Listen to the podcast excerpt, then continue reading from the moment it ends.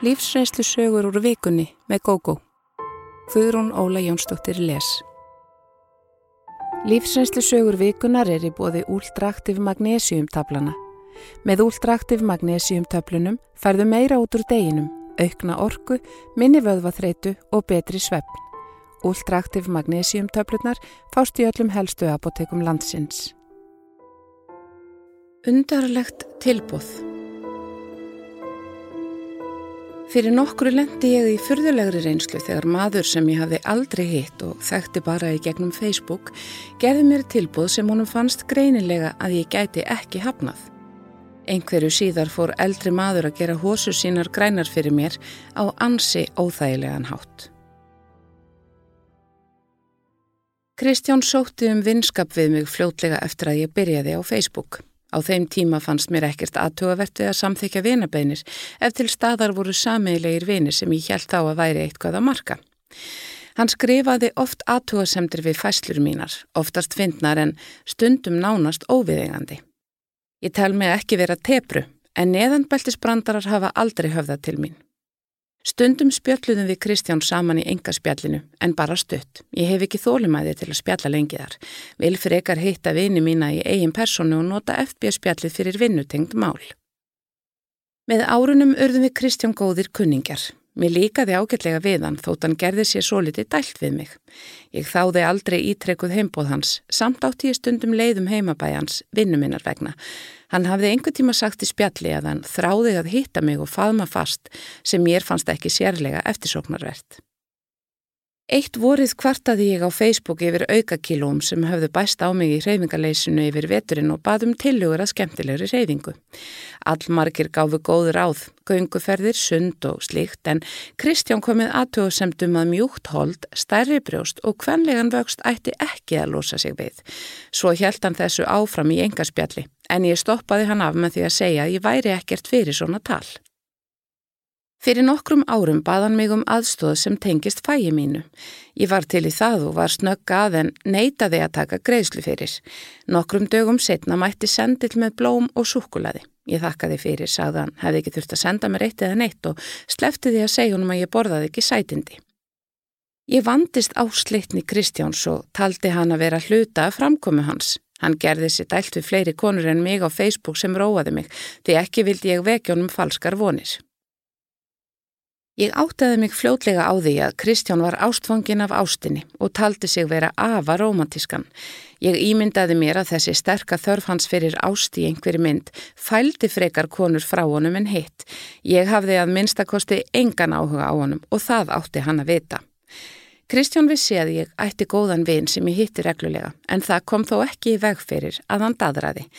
Ég hafði verið í sambandi við vinn minn í rúm tvö ár og við fórum saman í leikús, bíó, út að borða og slíkt. Við vorum bæði svo liti brend eftir fyrir sambönd og fórum okkur hægt. Hvorugt vildi stíga skrefið í áttina að föstu sambandi en það hefði líklega gerst fyrir en síðar.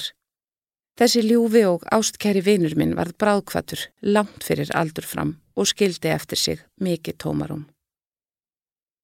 Ég tók mér nokkur að vikna hlið frá samfélagsmiðlum eftir látans en sama dag og ég kom aftur á Facebook kom Kristján á spjallið. Hann hvaðast það var saknað mín og ég sáð hann um hvað hafði gerst. Hann sendi mér blóm daginn eftir og virtist samhryggjast mér einleglega. Þetta aftraði honum samt ekki frá því að dadra við mig. Ég tók aldrei undir eitt eða neitt, skrifaði ofta eitthvað á borðið, ælátt ekki svona. Hvernig hann gæti tekið viðmóti mínu sem kvartningu er mér hulin ráðgata en þegar um hálft ár var frá því vinur minn dó, fekk ég skilabóð frá Kristjóni. Lung, óvænt og óþægileg. Þar spurði hann mig í fúlustu alvöru hvort ég væri til í að byrja á föstu með sér, vera í fjarsambandi við hann. Hann gæti þá spjalla við mig um ást og romantík, sendt mér blóm og konfekt og jafnvel farið að ringja í mig. Hann sagði að það myndi veit honum óseganlega mikla hamingju að eiga kærustu og fjarsamband við mig myndi næja sér. Ekki dáttunum í hugað aðtúa hvort slíkt samband nægði mér. Samband okkar gæti orði gott og gefandi á milli okkar tvekja. Við værum svo náinn, svona held hann áfram. Mér anni skap.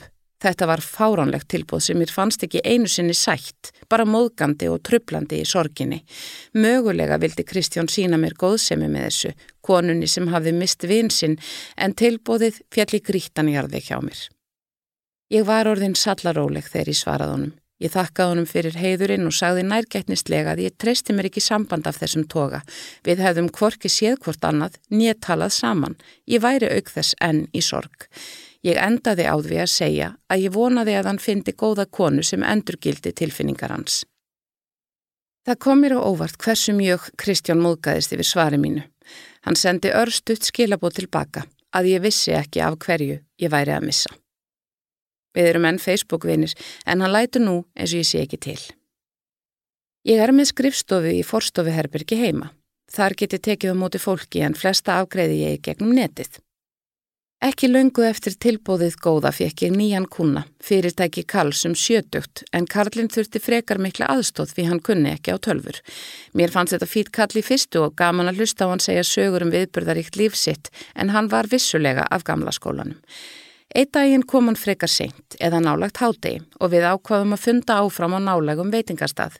Mér hefði þótt ansi ófagmannlegt af mér að bjóðunum í hádegisnarli íbúðinu minni svo þetta var besti kosturinn. Hann vildi endilega borga matin en ég tók það ekki mál.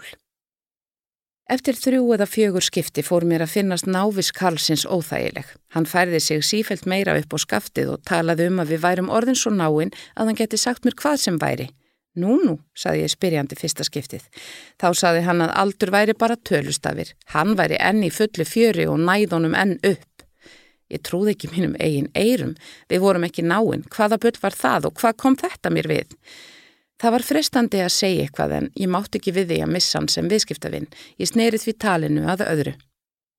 Kallin myndist líka á þetta næst þegar hann kom og einnig þar næst. Hann tók ekkert eftir því hvað ég sagði lítið og reyndi sífælt að beina aðtegli hans að verkinu. Ef hann væri orðin rugglaður býsti við að hann hefði endur tekið fleira en þetta. Hann talaði líka um að það væri alveg synd að ég væri einleip, svona falli kona. Sá maður er þið heppin sem hrefti mig. Hann vildi að hann væri yngri og svo framvegis. Ég var orðin kuldaleg og þögul en kallin tók ekkit eftir því. Það var eins og hann uppliði sig sem vingjallegan, skemmtilegan og stórumyndalegan mann sem daðraði gletnislega. Ég sá bara 20 árum eldri ógeðskall beita mig hálfgerðu ofbeldi með því að segja svona hluti við mig. Bráð ókunnuga konuna því ég gætt illa svara fyrir mig nema stór tapa á því fjárrakslega. Ég döð sá eftir því að hafa sagt honum þegar hann spurði mig nokkru áður að ég væri einleip. Það var eins og hann liti á svarmitt við því sem bóðum eitthvað. Hann lókum fekk ég algjört ógeð á kallinum og gafst upp, en ég lögð því að vegna óvæntra veikinda náins ættingja út á landi er því að fara og geti ekki klárað verkefnið. Ég vissi um góðan mann sem geti tekið við og það varð úr. Þannig losnaði ég við kallin en var samt fúli við því að hafi ekki geta sagt honum að fara fjandans til. Ég fekk góð laun fyrir þetta verk en það sá ég nánast um það allt fyrir kallin. Hann reyndi nokkrum sinnum að ringja í mig eftir þetta en ég þekkti númerið og svaraði ekki. Ég hefði tapað á því að segja honum að fara til fjandans. Þessi kall er vel tengdur og hefði getað eðilagt fyrir mér. Með því að svara ekki síman gæti sagt honum óbeint að fara fjandans til. Ég veit að margar konur hafa lendi í alls konar áreitni og nú skilja þær sem segjast eiga erfitt með að stoppa slíkt, til dæmis vegna stöðu sinnar. Ég næði bara ekki hvað það er sem gefur svona kallapungum leifi til að láta svona. Vingalli kurtesi mín útskýrir ekkert. Ég held samskiptum okkar þannig að ekki leikur nokkur vafi á því að þau væru viðskiptalegs eðlis. Ég hef þú alls ekki mist trú á kalkinunu eftir þetta. Ekki er svona framkoma almenn reynsla mín af körlum síður en svo, en nú hef ég varan á mér. Ég ásamt ekki að þurfa að gera það. Á einhverfu rófi. Allt frá því ég var barn hef ég þurft að bera ábyrð á sýstur minni. Hún rakst illa í hópi eins og stundum er sagt, þótti sérstök og var því alltaf höfð út undan. Mamma ætlaðist til að ég sæjum hana, tækjana með í afmæli og setna parti sem mér var bóðið í og að ég stæði stöðugt í að breyða yfir miðstök hennar og bæta fyrir þegar upp úr söðmilli hennar og hinna krakkana. Þegar hún var greint á einn hverfurófi, ríflega færtug, skýrði það margt en gerði hana sannlega ekki auðveldar í umgengni. Sigga sýstir mín er mjög velgefin, getur verið bæði orðheppin og skemmtileg en á erfitt með að skilja samhengi orsaka og afleðinga, les manniskur mjög illa og fær þráhyggju gagvart ímsum hlutum. Það er stutt á millokkar, aðeins átjón mánuðir og við vorum því á mjög líku róli í skóla. Oftast kemur Sigga mjög vel fyrir til að byrja með því hún er ófeimin og vill gerðan taka að sér fóristulutverk hvar sem hún er. Krakkar kunnu vel að meta það og hún var yðurlega búin að sapna í kringum sig stórum hópi út í fríminútum og stjórnaði öllum leikum. Allir skemmtu sér konunglega þar til eitthvað fóri ekki eins og sigga hafði séð fyrir. Þá varð skrattin laus. Engver hljópi aðra átt en hún hafði sagt honum eða tókað sér annað hlutverk. Hún slefti sér og heldi sér yfir viðkomandi með óbúta skömmum og það kom fyrir að hún tók upp lúku fylli af möl og gríti bekkersískinni sín. Fyrir þessa hegðun uppskar hún reyði og því oftar sem þetta endur tók sig, því minni áhuga höfðu krakkarnir á að leika við hana. Smátt og smátt fóru allir að forðast hana og enginn vildi vera með henni, sama hversu skapandi og freistandi þeir leikir voru sem hún hafði skipulagt. Sigga var mjög sári við þessu og hefndi sín grimmilega á þeim sem henni fannst það var svikið sig. Hún skemmti hluti í þeirra eigu, faldi sumt og fegst ekki til að skila því fyrir neftir langa mæðu. Mamma fekk ótal símtöl frá kennurum og skólastjórum þar sem hún var beðin um að hlutast til um svona uppákomur og tala við dóttur sína. Ég man eftir að hafa aftur og aftur hlustað á mömmu útskýra fyrir Siggu að svona kæmi maður ekki fram. Þetta væri ekki rétta leiðin til að eignast vini. Hún sagði henni dæmisögur, reyndi að draga upp myndir af hvernig best væri að haga sér í samskiptum og að ef hún segði og gerði eitthvað leiðinlegt, væru allir leiðinlegir á móti. Það var hins vegar alveg sama hversu vandlega mamma fór í gegnum þetta í hver miklum smáatriðum hún tíundaði allt. Að lokum kom alltaf sama kommenti frá sýstur minni. Já, en þau voru leiðileg við mig. Sigga gati ekki skilið að með eigin framkomu hefði hún ítt við dóminóköpi sem feldi það næsta og svo það næsta. Það þýtti heldur ekki refsenni. Sigga skildi ekki hvers vegna hún mátti ekki fara út eða af hverju hún fekk ekki að fara í tölvuna eða horfa á vídeo. Mamma og pappi sögðu 200.000 sinnum vegna þess að þú tókst ekki til í herbyrginu þínu eða þú komst til að fram við Jónu í næsta húsi. Ekkert síaðist inn í kollin og sístur minni. Hún upplifði mikla ósangirtni og ilskugakvart sér og það eina sem þessi viðleitni til að agana skilaði var að hún varð uppreysnargjarnari og leitaðist við að hefna sín vegna þess sem hún taldi anstíkileg heit. Siggu gekk vel í námi og fekk allatíð háar engunir. Hún átti auðvelt með að einbeita sér og var ákaflega forvitin. Reyndar var það svo að ef fag vakti ekki áhuga hjá henni, leiti hún það einfallega hjá sér. Þannig var það með smíðar, handavinnu, leikfumi og heimilisfræði. Það kom ekki að sög því allt annað gekk vel. Þegar við færðumst ofar í skólakerfinu og Ímis fög fóru að verða meira krefjandi, blómstraði hún en ég dróst aftur úr. Hún hafði ákveðina þráhyggju gagvart engunum og var tilbúin að leggja mikið á sig til að fá góðar niðurstöður. Í mentaskóla fekk hún líka skindilega áhuga á reyfingu og fór að blómstra í leikfumi sem áður hafði ekki vakið neinarhyfningu. Hún fór að hlaupa og tók það með trombi eins og annað. Á sama tíma misti hún ávalt frá sér alla vini og kunningja eftir stutt kynni. Það var eins og hún gæti aldrei stilt sig og færi alltaf fyrir það síðar yfir einhver mörg. Stundum las hún aðstæður gerðsamlega vittlust og fór að segja óviðegandi brandara að það gera grínað einhverju sem svo sannlega var ekki passandi. Gott dæmi er þegar sameigilegri vinkonu okkar var sagt upp af kærasta sínum og var alveg miður sín. Sigga fór að skelli hlæja og sagði henn að hún leti út eins og vera úr hillingsmynd með maskarastrygg nýður á kinnar. Stúlkan kunni ekki að meta grínið. Setna fekk hún svo allan vinkvennahópin upp og móti sér með því að dadra við þennan fyrrum kærasta í partíi tveimur vikum setna. Það var alveg sama hvað ég saði, Sigga sá ekkert aðtugavert, þau voru jú hægt saman. Á þriðji ári í mentó eignaðist Sigga sinn fyrsta kærasta. Það gekk vel í nokkra mánuði en svo fór að bera á brestum. Hún vildi stjórnunum og þóldi ekki hvað hann varði miklum tíma með vinum sínum. Hún vildi að hann væri öllum stundum með henni. Stöðug tókstreita út af þessu var til þess að strákurinn sagðin upp. Sigga hefndi sín með því að fara inn á samfélagsmiðlan hans en hún hafði aðgangsorðin og setja inn alls konar ömurlegar fæslur. Þetta var til þess að hann og vinahópur hans sneri algerlega baki við henni og það þarf ekki að taka það fram að sýstruminni fannst það ofboslega ljótt af þeim og engin leið var að bendinni á að kannski hefði hún átt að láta vera að setja þessa fæslur á netið. Smátt og smátt einangraðist sýstri mín meira og meira og að samaskapi jógst þrýstingur mömmu og mig að ég tækja hana með mér til minna vina og færi með henni bí og búðir og annað. Ég átti mína vini og vildi hanga með þeim og þetta skapaði oft leiðindi millir mín og mömmu. Mér fannst erfitt að þurfa að dragnast með siggu því auðvitað var hegðun ennar alls konar innan um mína vini líka. Ég þurfti því ofta að tala við fólk og koma með alls konar afsakanir til að reyna að laga hlutina eftir að soðið hafði upp úr. Þrátt fyrir þetta tók ég hann oft með mér því ég vissi að sýstur minni leið illa og hanna langaði að vera vinsæl og tilir að klíku. Við urðum fullornar, kynntumst mönnum, giftumst og áttum börn. Áfram skiptust á skín og skúrir í lífi Siggu. Hún skipti örtum vinnu því þrátt fyrir að vera vel mentuð og með mikinn metnað stóði vegi fyrir henni hversu ófær hún varum að eiga góð samskipti á vinnustað. Hún sagði óviðegandi hluti, kom illa fram ef henni fannst einhver eigaða skilið og var oft ofbáslega kröfuhörð gagvart undirmönnum sínum. Lók stopnaði hún eigið fyrirtæki og vann mest í verktakavinnu upp á eigin spýtur og það gekk ágætlega. Hjónabandennar fór í vaskin fyrir þreymur árum og það var henni gríðarlegt áfall. Ég fekk hana til að fara til sálfræðings í kjölfarið og upp úr því fór hún í greiningu þar sem í ljós kom að hún var á einhverfurófi. Ég verða að segja að þegar hún saði mig það, small margt saman, þarna var komið púsli sem vantaði. Þetta var líka mikið léttir fyrir sýstur mína. Ég held að hún hafi orðið mjög fegin að fá skýringu á hvers vegna hún væri öðruvísi en aðrir. Hins vegar hefur þetta engu breytt um hvernig hún er. Sigga heldur áfram að vera hún sjálf en það er gott að viti þetta og það hefur hjálpað að geta sagt viðskiptavinum og fleirum að hún hafi þessa greiningu. Ég hef reyndar stundum velt fyrir mér hvort hægt hefði verið að sparinni sásuka og særindi oft á tíðum ef við hefðum vitað þetta fyrr. Fíklarnir í lífi mínu Frá æsku stemdi ég að því að menta mig og gera eitthvað mikið úr lífi mínu, en strax í mentaskóla breytist það.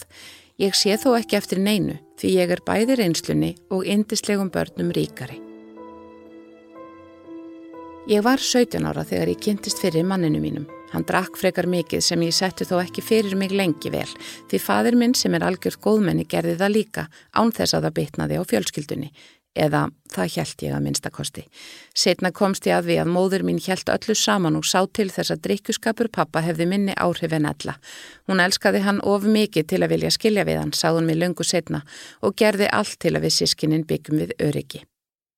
Þegar ég varð eldri fór ég að sjá betur hvað var í gangi og mamma var hinskilin við mjög um drikkju pappa sem hafði aukist fremur en hitt. Ég tók þátti því með mömmu að lífa yngri sískinunum við þessu og veit nú að við vorum auðvitað ansi meðverkar. Mamma ringd hann inn veikan og skamtað honum vín til að trappa niður eftir túrana. Setna mist hann vinnuna og vildi loks þá fara í meðferð sem var til þess að hann hætti alveg að drekka.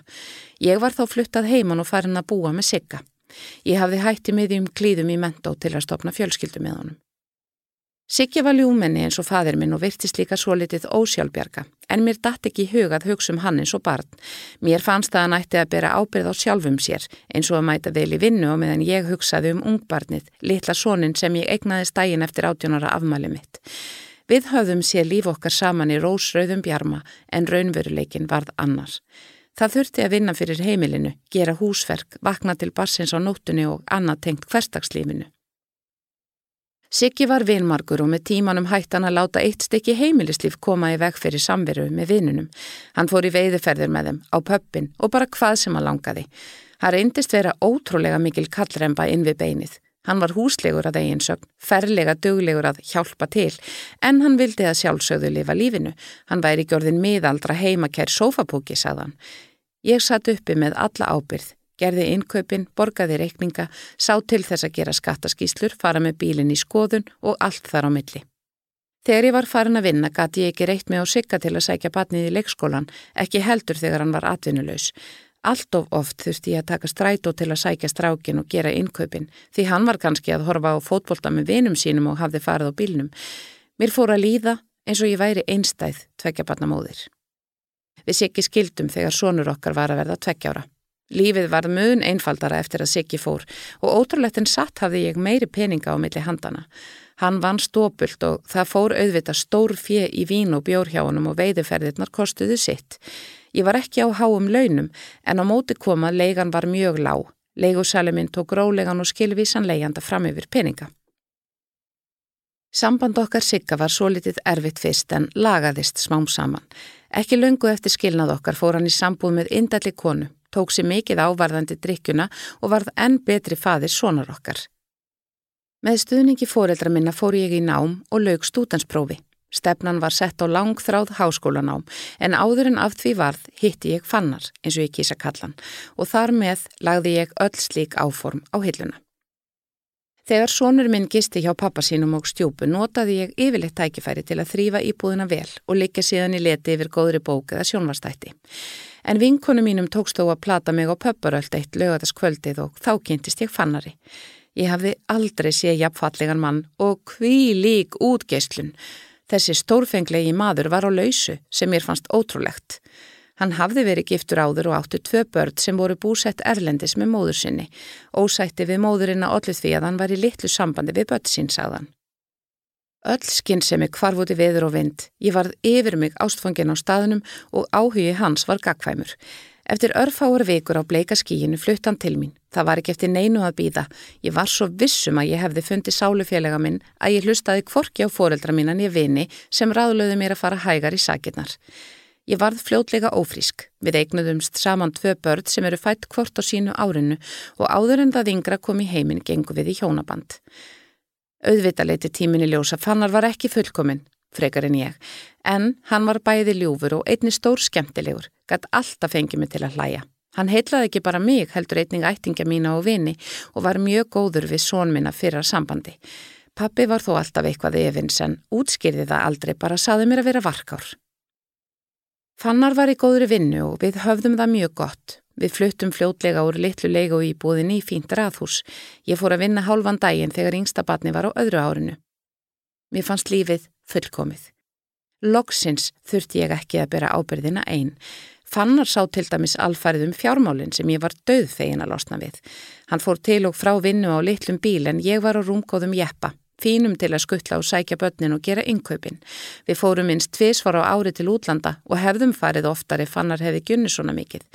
Draumurinn var að eignast sömarbústa sem allt virtist stefna í en eftir tæplega fjögura ára hjónaband rapaði allt loðrétt til helvitis.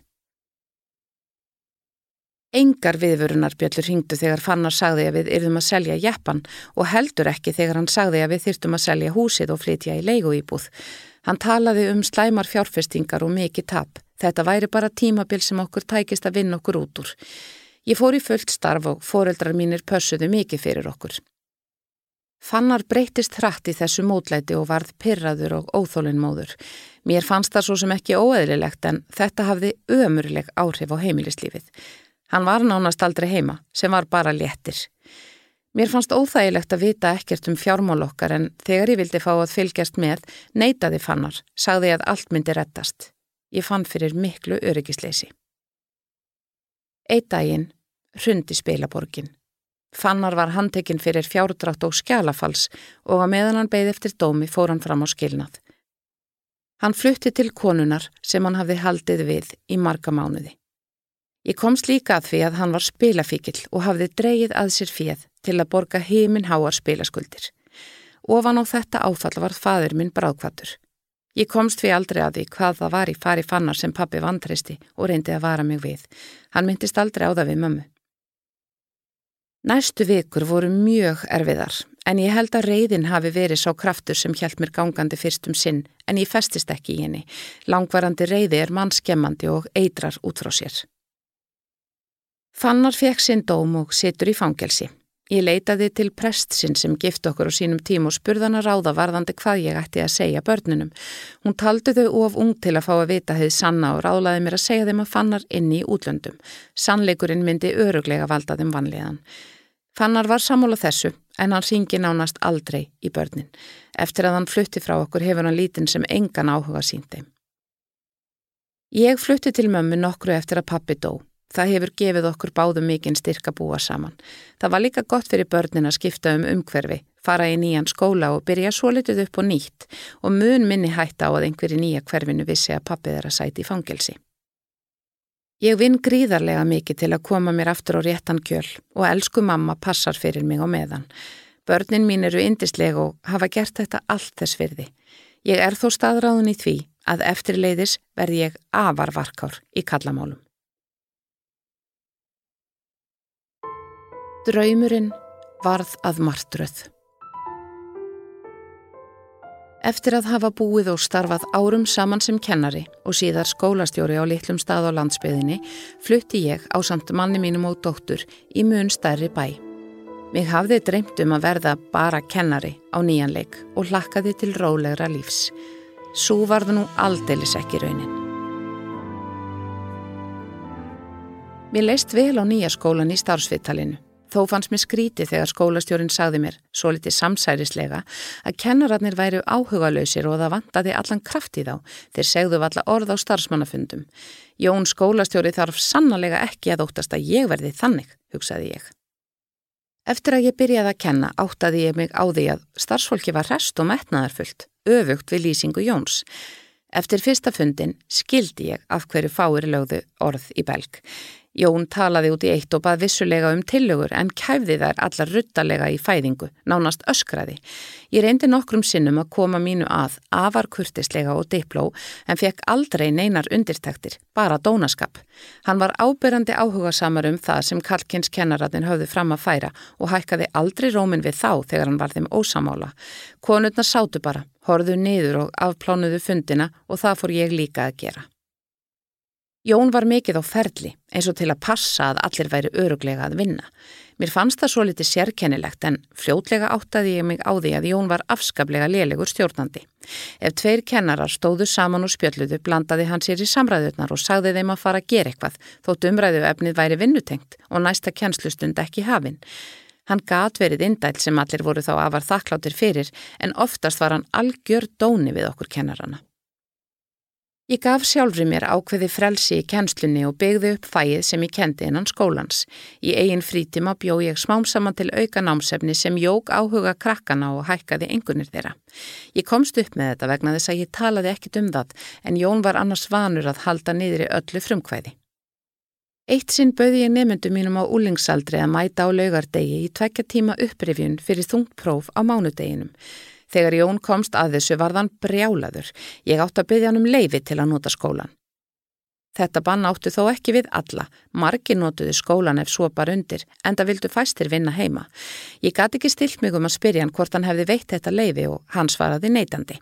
Annar kennari hafði látið nemyndur sína æfa metnaðar fullt jólaleikrit og það var ekki bara sínt í skólanum, heldur líka á dvalarheimili fyrir aldraða skamt frá við mikla gleði, en hugmyndin var krakkana og þetta fór fram utan skólatíma. Jón trilltist nú samt yfir því líka, hann hefði aldrei veitt leifi sitt ef hann hefði verið spurður. Metnaður Jóns í starfi fólst ekki bara í því að ráða öllu, heldur einning að spara sem mest. Eitt sinn stóði ég við ljósitunavélina og Jón kom.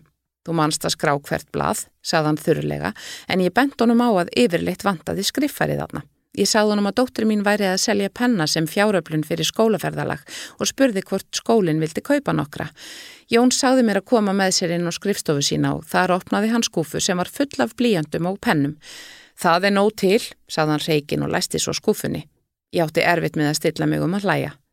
Skólinn hefði geta fengið bókastyrki og ímsa aðra styrki, vissi ég úr fyrra starfi mínu sem skólastjóri, en Jón sótti aldrei um þá, þótt við myndum hann á það. Var svo margt sem hefði mótt endur nýja, skólanum til hagspóta, en hann klúðraði því. Svokvöldluðum launapotti er í flestum skólum annarkvort skipt jamt á milli starfsmanna eða ráðstafað með samþykji allra á kennarafundi, en í þessum skóla virtist ekkert slíkt vera í gangi. Ég spurði eitt sinn konurnar hvort þar hefðu fengið auka greiðslur úr pottinum en enginn vera kannadist við það. Eftir ímsum krókaleiðum komst ég að því að Jón notaði pottin til að hækka laun kallana. Ég hefði bröðist trúnaði ef ég hefði gert máli fyrir því svo ég þagði yfir þessu. Svili minn sem vann í banka á þessum tíma ringdi eitt sinn í Jón og bauðst til að halda fund með okkur til að kynna viðbótalífið í sparnað. Jón svaraði snakkaralega Það er tilgangslist. Þessum kennurum er alveg sama hvað þeir fá í laun og þeir hafa engan áhuga á viðbótalífeyri sparnaði. Máur minn spurði mig hvort þetta væri virkilega rétt. Þegar staða aðstóðarskólastjóra losnaði sótti ég um. Flestir samkennara minna voru vissir um að ég fengi starfið sem ekki hafði verið auglist. Jón hafði stjórnunarkvóta og gatt valið úr umsækjendum sem þurftu ekki að fara í gegnum faglegt ráðningarferli. Hann valdi bara þann sem honum hugnaðist best, ekki einhverja miðaldra kellingu eins og mig sem reyf stundum kjáft, heldur Kallmann sem var bæði yngri og óreindari en ég. Sá bjó í öðru sveitarfélagi og þegar snjóaði mikill var þann veðurt eftir heima, en hann var kallmaður og það skipti mestu máli. Ég nefndi ekki að kæra ráðninguna því ég var vissum að það hefði ekkert upp á sig. Mér erði líka gert algjörlega óbærilegt að vinna þarna. Mér líkaði mjög vel við samstarfsfólkið, allt nema Jón og rítaran sem ég grunaði alltaf að njósnaði um okkur fyrir hann. Ansi margar kvartanir yfir Jóni voru senda rétta bóðleið en aldrei kom neitt út úr þeim. Konan sem tók við kærunum þorði lítið að gera því yfirmenn hennar voru flokksbræður Jóns en það var allt talað að Jón hefði fengið starfið á sínum tíma því hann var í réttum flokki. Mikil meðvirkni skapast í minni samfélögu með svona vanhæfni. Ekki síst þegar pólitíkin er nótu til að tróða vanhæfum körlum í æfiráðningu í stjórnendastöðu. Jón var þó sendur á stjórnunanámskeið einu sinn eftir kvartanir en það breytti engu. Ég vann þarna í tæpan áratug þrátt fyrir ástandið. Jóni tókst að rekja margt afar gott fólk úr starfi á þeim tíma. Eitt sinn taldi ég saman þær konur sem höfðu hætt á þessum árum og þær voru 14 talsins. Flestar skiptu algjörlega um starfsvettvang eða fóru í námi allt öðru en kennslu, orðnar útbrunnar í fæinu. Mér fannst Jón reyna að etja kennurinnum saman eins og hann ótaðist samstöðu og honum tókst það allt of oft. Ég fekk áfall þegar ég var óvænt tekin úr mínu aðalfægi eftir átta ára stöðuga uppbyggingu mína þar og öðrum kennara fengi það. Ekki að mann greið hafi beðið um það, hann var sprenglærður í allt öðru fægi en Jón held án ef að hann væri að gera honum greiða. Ég er ekki hefningjöld manniska en ég tók allt auka kennslu efni sem ég hafði samið og fór með það heim.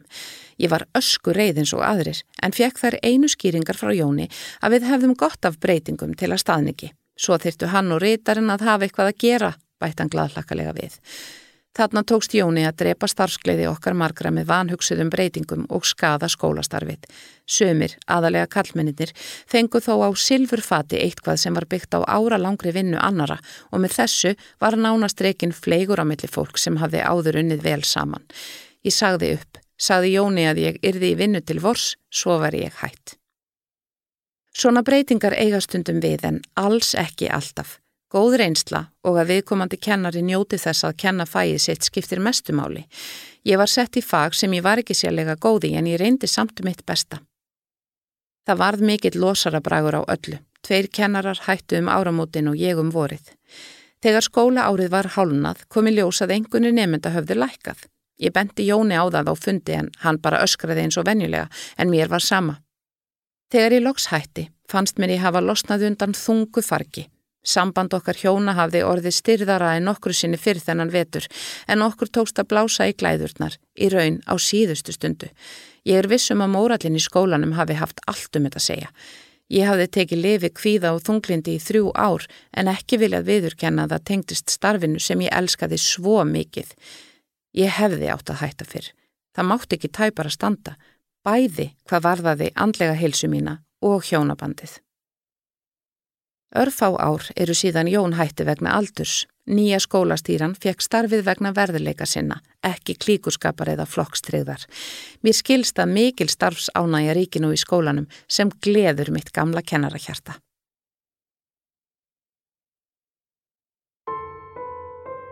Ég veit ekki hvað kom yfir mig.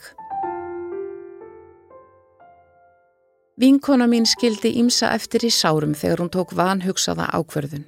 Hún áttaði sig á meðstökunum nánast strax en ofseint. Við hanna höfum verið vinkonur frá barnæsku og feta svipaðan vegi lífinu. Ég sað tvo bekki í mentó, tók mér síðan árs frí frá námi til að vinna sem au-pair erlendis og sneri ekki aftur í skólan en hanna kláraði stúdendin. Í kringum tvítugt urðum við ástfangnar og stopnum fjölskyldu og innan við þrítugt áttum við báðar þrjú börn. Þegar mín börn voru orðin sæmilega stálpu dreif ég mikið sjúkraliðanám og ég er sannlega á réttri hillu í lífinu sem sjúkraliði. Hanna fór að vinna á skrifstofu og varð fljótlega yfirmanverðar enda einstaklega dögleg og metnaðargjörn. Árin liðu og lífi gekk sinn vana gang. Samband okkar hönnu var alltaf gott þótt að mingaðu um tíma eftir að hún og maður hennar fluttu á hinn enda landsins. Þó heimsóttum við þau flest sömur ef við vorum á ferðalagi. Tíu árum setna fluttu þau aftur í bæin og um leiði jógst samband okkar vinkvennana. Mennitin okkar náðu líka vel saman. Hanna hafði bætt við mentun sína og fekk gott starfi komuna til Reykjavíkur. Hún var deildarstjóri hjá nýlegu fyrirtæki og átti svo sannlega sinn þátti vexti þess og uppgangi. Hún þurfti þó að berjast fyrir tilveru sinni þar á ýmsan hátt. Hún segist virða meira þá kalla sem viðurkendu að þeir væru karlrembur en þá sem reyktu sér af því að vera jafnrétti sinnar en væru það ekki. Ég dáðist að því hvað Hanna stóð með sjálfur sér á allanhátt og ef ég þurfti að berjast fyrir einhverju á mínum vinnustad leitaði ég ráða hjá henni. Þið kom það mér svo á óvart þegar þessi klára, gáfaða og snjalla vinkona mín gerði afdreifarík mistök sem sneru öllu á kvolf. Mig grunaði ekkert. Hjælt að allt væri í góðu lægi í lífi hönnu og samband hjónana gott. Mér fannst hún þó gladlegri og meira geistlandi en oft áður. Svo mætt hún eitt daginn í heimsókn og þá fekk ég að vita allt. Sjálf ekki á mér hvað ég er ástfangin, spurð hún spennt. Það var ekki eigin maðurinn sem hún var svona ástfangin af, heldur vinnufélagi sem hún hafði verið spennt fyrir um hríð. Ekkert hafði enn gerst en Hanna sagði að spennan á millið að væri áþreifanleg. Ögnatilitin væru heit og maðurinn gerði sér ábyrjandi oft ferð á deildina sem Hanna stjórnaði. Hún sagði að það væri bara tímaspösmál hvenar annarkvort þeirra leti til skara skrýða. Henni hefði aldrei liðið svona, aldrei nokku tíman. Maðurinn var giftur, eins og Hanna, en hún vissi að hjónabandan stóð á brauðfótum. Hann hefði gefið það í skinn við hana. Skilnaður væri í kortunum, skildist henni. Er hann ástfangin af þér? spurði ég. Hanna svaraði játandi. Svo sannarlega. Hún ætlaði til miðils fljótlega og hlakkaði til að heyra hvað hann segði um framtíðana sem beigðinar og nýjamannsins. Ég glotti þegar ég viðast upp fyrir mér hvað við Hanna vorum spenntar fyrir miðlum og spákonum og yngri árum og gerðum valla nokkuð nema leita fyrst ráða hjá spákonu. Mér leist satt að segja ekki á blíkuna varðandi þetta allt saman og vonaði að þetta rjáttlaðist af henni. Hún og maður hennar áttu mjög vel saman, hafði hún alltaf sagt. Hann væri frábær fadir og eldaði besta mat í heimi, fyrir utan allt hitt. Ég vildi ekki skipta mér af neinu, ráðlaðinni bara að gera ekkert í fljótverdi. Næst þegar Hanna heimsótti mig virtist hún jafn ástfangin og áður. Ég var spennt að vita hvað miðlinn hafði sagt en hún gretti sig og sagði hann hefði nú bara byllað. Hann hefði ekki séð neina framtíð með þessu manni sem sannaði að þetta væri bara ruggla allt saman. Sveika miðill. Eru þið farin að hittast eitthvað fyrir utan vinnuna? spurði ég. Hún hristi höfuðið. Svo var ekki en spennan á millið þeirra var orðið nánast óbærileg. Hanna hvaðst ætlaði að tala við mannin sinn. Það væri það eina heiðarlega í stöðunni. Ertu vissum að þú viljir verja lífinu með hinumanninum? Gati ég ekki stilt mig að spyrja hef aldrei verið vissari um nokkuð hlut í lífinu, svaraði Hanna. Hanna sagði eigin manni sínum til 25 ára að hún væri orðin ástfangin af öðru manni og vildi skilnað. Úrvarð að Hanna flutti út, tókst að leia sér litla íbúr rétt hjá vinnustað sínum, en yngsta batnina sem enn bjó heima kaus að verða eftir hjá föðurnum. Hinn tóku afstöðu með honum og miðbarnið hótaði að hætta að tala við hönnu. Eginlega var það allt vittlust og ég hafði mikla samúð með þeim öllum. Ég heimsóti hönnu í litlu íbúðina fljótlega eftir að hún var fluttlangað og hún leitt ekki vel út. Hún var ekki lengur geislandi eins og hún hafði verið síðustu vikurnar. Hún var í veikindafríi, sað hún mér. Hafði látið yfirmenn sína vita að hún stæði í skilnaði sem tæki mjög á.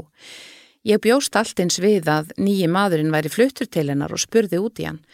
Hanna varð vandraðileg og sagði að eitthvað hefði breyst. Maðurinn vissi að hún væri farin frá eiginmanninum og flutti í íbúð en áhugi hans á henni virtist hafa mingað. Hann hætti að drekka kaffi með henn á skrifstofunni hennar, var sífælt upptekin á fundum og forðaðist hana greinilega. Hún sagðist vissulega vera í ástarsorg, en syrði mannin sinn meira en þennan samstarfsmann. Ég veit ekki hvað kom yfir mig, sagði hún. Þar sem ég þekki hönnu vel, veit ég að hún hefur ekki verið með sjálfur sér. Það er ótrúlegt að byggja um skilnað til að taka saman við mann sem hún var ekki byrjuð með og hafði ekki einu svoni kist. Hanna saðist vera ofstolt til að byggja mannsinnum annað tækifæri, allavega í byli. Hann hefði tekið þessu illa og þau bæði látið út úr sér orð sem erfitt væri að fyrirgefa og gleima. Hún skammaðist sín þegar hún áttaði sig á því hver hratt ástinn á hinumanninum kvarf. Það gerðist nánast á einni nóttu. Hún hafi trúaði í fúlustu alvöru að hún hafi verið ástfangnari af þessu manni en nokkuð tíma manninum sínum. Nú sýrð hún hjónabandið en tilfinningarennar til hins mannsins voru að mestu fyrirlitning. Reyðust var hún þó sjálfur sér. Ég spurði hana hvort ég hefði kannski átt að skipta mér af en hún hristi höfuðið. Mér hefði bara sárna við þig og ekki hlusta á hann inn varnaðarorð. Manstu hvað ég var fúl út í miðilinn? Það tók hönnu nokkuð tíma að jafna sig almennilega. Hún bar höfuðið hátt í vinnunni en fáir, ef nokkris, vissu af dadri hennar og samstarfsmannsins en hann hætti að sjást á deildinni hennar hönnu þar sem hann hafði verið eins og grár köttur. Maður hönnu fekk loksað heyra því sanna að ekki hefði verið um eiginlegt framhjáhald að ræða, vinnustadadadur sem rændi hönnu ráði og rænu að þessu tímabili. Hún sagðist vera tilbúin til að reyna aftur ef hann vildi gefinni tækifæri. Hann vildi það ekki. Hann er góður maður en afar þrjóskur og ef hann býtur eitthvað í sig er nánast ómögulegt að bifónum. Börn hönnu jöfnuðu sig og er ekki lengur sárút í hana. Hún flutti í stærri íbúð eftir að skilnaðurinn gekk í gegn. Hún sér enn mikið eftir gamla lífinu sínu. Samt finnst mér hún vera farin að líta bjartari augum á tilveruna. Hún er líka orðin amma og það finnst henni dásamlegt.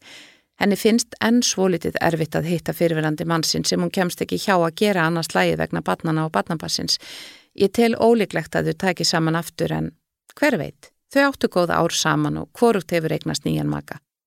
Allt getur gerst. Þú varst að hlusta á lífsreynslusögur úr vikunni með GóGó í lestri Guðrúnar Óli Jónsdóttur og framleiðslu Storysight árið 2020. Höfundaréttur Vikan.